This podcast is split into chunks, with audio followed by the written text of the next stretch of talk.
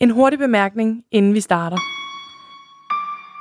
I denne episode snakkes der om selvmord og andre ømtålige emner. Er det ikke noget for dig, eller har du børn i nærheden, så er det på sin plads at slukke eller høre episoden på et senere tidspunkt. Du lytter til en original podcast, der produceres af KHAG Podcast Made By. Altså, jeg var jo inde i en lang periode, hvor jeg ingenting positivt overhovedet kunne se nogen steder. Jeg var faktisk... Øh, til sidst så var jeg så nedbrudt, så jeg fik nok af det hele. Så satte jeg mig ned og skrev en mail til Lejre Kommune, til nogen inde i Folketinget, til Ekstrabladet, til BT og til hvem ved jeg, at det kunne ikke være rigtigt at her i det danske samfund, når man ikke kunne få noget hjælp. Så skrev jeg, men nu kan I rende mig. For med den hjælp, I tilbyder i dag, så gider jeg ikke være her mere. Og det sendte jeg afsted, og så åd jeg en masse piller. Ja, nu var jeg egentlig klar til at sige farvel til det her fandens liv.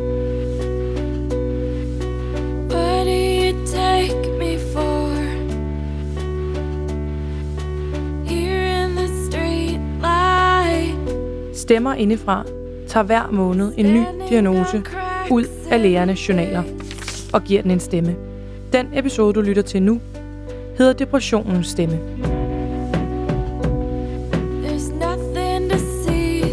Det er en historie om at være endt på bunden af samfundet, både fysisk og mentalt.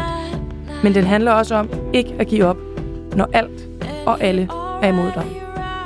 Depressionens stemme tilhører Lotte. Hendes historie ender godt, men starter skidt. Jeg har jo altid været et meget følsomt barn. Der skulle ikke meget til, før jeg græd. I skolen blev jeg drillet. Blev kaldt for Tudemarie. Og det er faktisk fuldt mig. Ja. De første seks år, der var det nok det værste. Så skiftede vi skole, da skolen ikke kunne have flere. Så røg vi fra, ud til Osted skole. Og så var det ligesom, så begyndte der at være flere. Så man øh, også fik nogle andre bekendtskaber. Ja. Mens øh, jeg var gik i folkeskolen, blev jeg misbrugt af min såkaldte far. Han er min adoptivfar. Han blev min adoptivfar, da jeg var 17. Hmm. Det var et halvt års tid, og så ligesom så gik det i sig selv igen.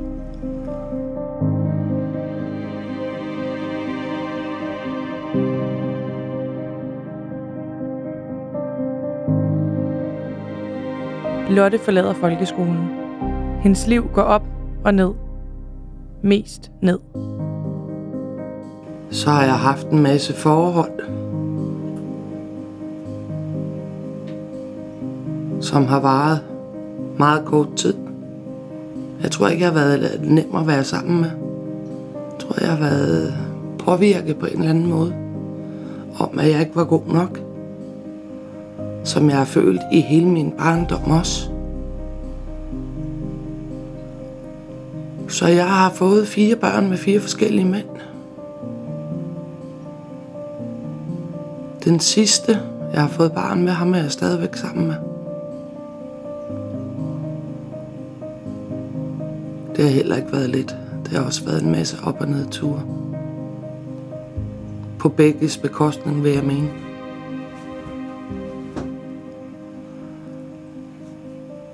Den sidste bekostning kom nytårsnat, da jeg tog ham i at sidde og kysse med en anden kvinde. Der pakkede jeg mit harpengud, og så kørte jeg hjem.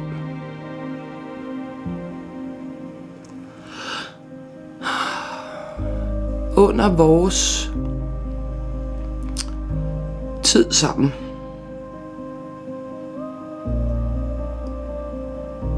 er jeg blevet syg, sådan rigtig syg. Så man ligesom kan sige, hvad er det, der er galt med mig.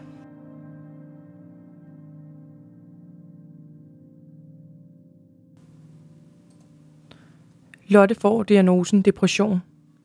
På det her tidspunkt har Lotte et arbejde, som hun faktisk er rigtig glad for, og et arbejde, som er rigtig glad for hende. Men hendes tungsind gør det svært at håndtere hverdagen.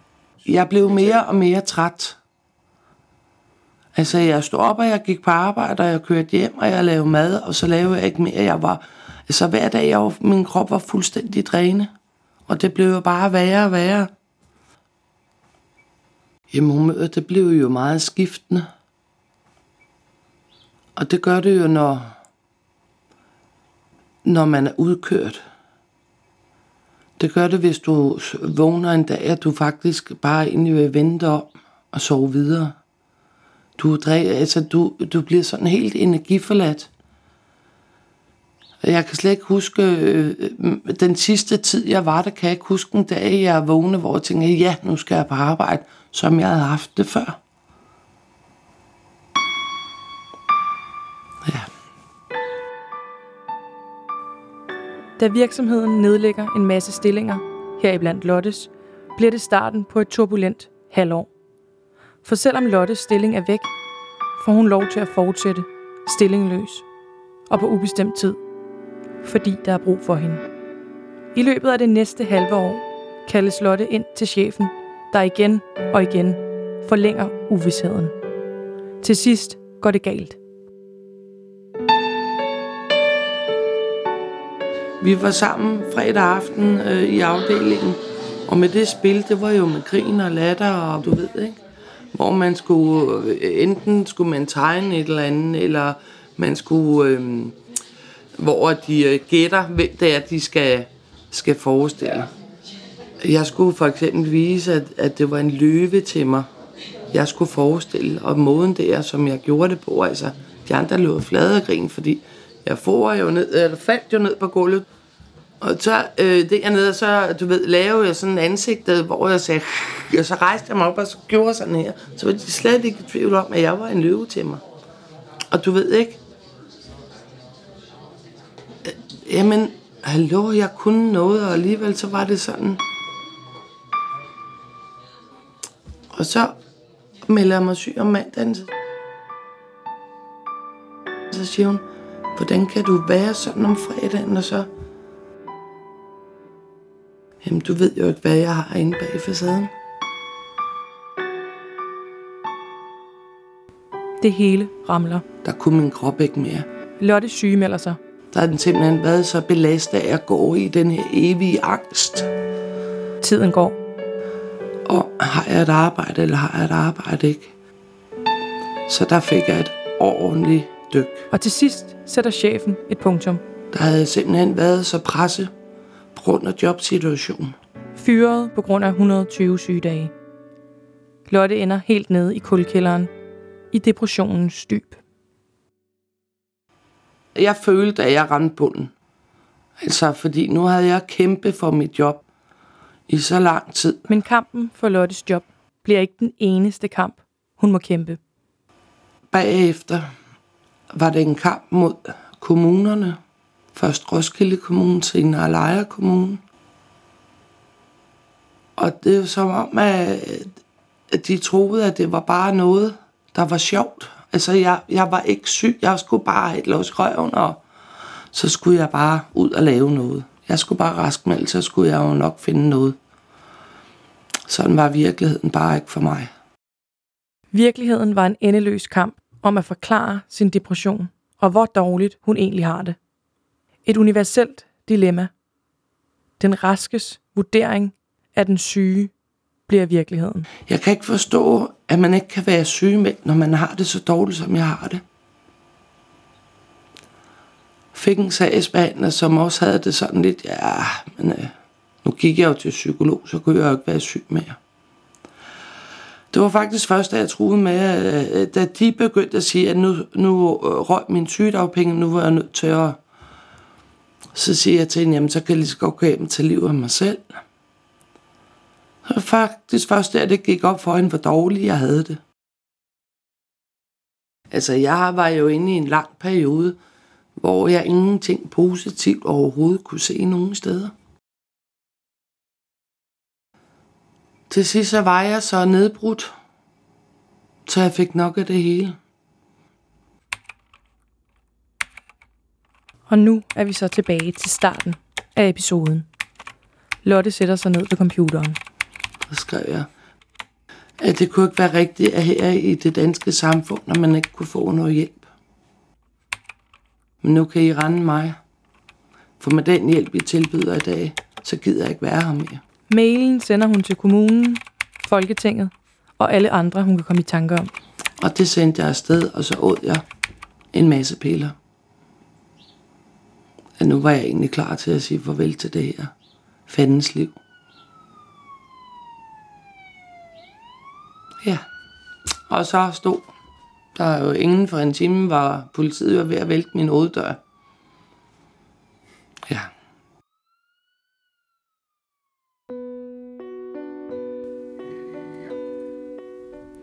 Mailen bliver afgørende for Lotte. Tingene vender. I depressionens mørke begynder små sprækker af lys at skinne. Lotte får en ny socialvejleder, der lytter. Der hjælper hende med at navigere i hverdagen. Depressionen slipper hun ikke helt af med. Men himlen er nu blå. For Lotte, hun har råbt så højt, at kommunen endelig lytter. Hvorfor skal det blive så drastisk, før man bliver hørt? Det her er bare et af Lottes mange hvorfor-spørgsmål. Fra på det første møde, efter Lotte sendte sin selvmordsmail. På det første møde, efter politiet redde hende fra selvmordets rand. På det første møde havde Lotte sit brev med, som hun læste højt.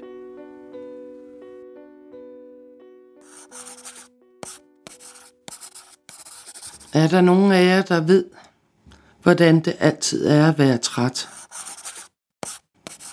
Hvordan det er ikke at kunne sove ordentligt, samt ikke at kunne sove mere end maks et par timer ad gangen.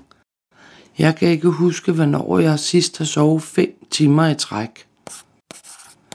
Hvordan det er ikke at kunne huske. Hvordan det er, at folk tror, man leger syg. Hvordan det er, at man bare kan tage sig sammen. Hvordan det er ikke at kunne gå, t- gå til sin tidligere friaften, som for mig var banko. Hvordan det er ikke at kunne tage sig sammen til at gå i bad. Hvordan det er ikke at kunne tage sig sammen til at gå ud og handle. Hvordan det er at få angst, bare man skal ud og handle. Hvordan det er at være ensom. Hvordan det er at græde hver dag. Hvordan det er at ønske sig en lille bitte etværelses med lov. Hvordan det er at have tankemøller. Hvordan det er at være tør i munden konstant på grund af medicin. Hvordan det er ikke at have råd til at gå til tandlæge. I parentes har en knækketand, parentes slut. Hvordan det er at føle sig uønsket hvordan det er at forsøge at tage sit eget liv. Jeg har så mange spørgsmål om, hvorfor. Min far fravalgte mig, da jeg var en lille spæd pige. Skulle min adoptivfar misbruge mig? Var jeg ikke en bedre mor? Er jeg ikke god nok? Valgte min søn at gøre noget ved min ene datter? Græd jeg ofte, da jeg var lille. Har min bror og min søn fravalgt mig? Lader jeg mig trampe på? Bliver jeg i mit ægteskab? Vil min mor ikke tro på mig? Er jeg så naiv? I ønsker ikke at være behjælpelig med, at jeg bliver rask. Jeg er aldrig blevet ordentligt udredt gang på gang, at jeg blev kastet tilbage på arbejdsmarkedet, uden at få en udredning, samtidig med, at jeg stadig er syg.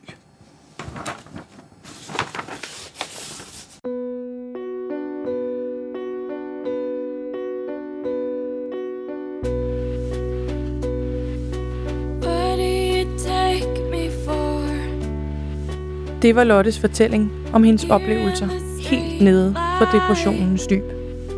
En stor tak til Lotte for at tage os med på sin personlige rejse. Stemmer indefra er en original podcast, der produceres af KHAG Podcast Made By.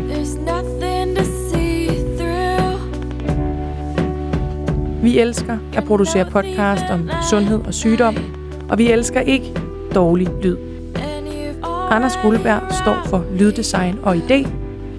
Mit navn er Karoline Gottschalk. Jeg er redaktør og klipper. Glæd dig til næste måned, hvor du får sklerosens stemmer. Tak fordi du lyttede med.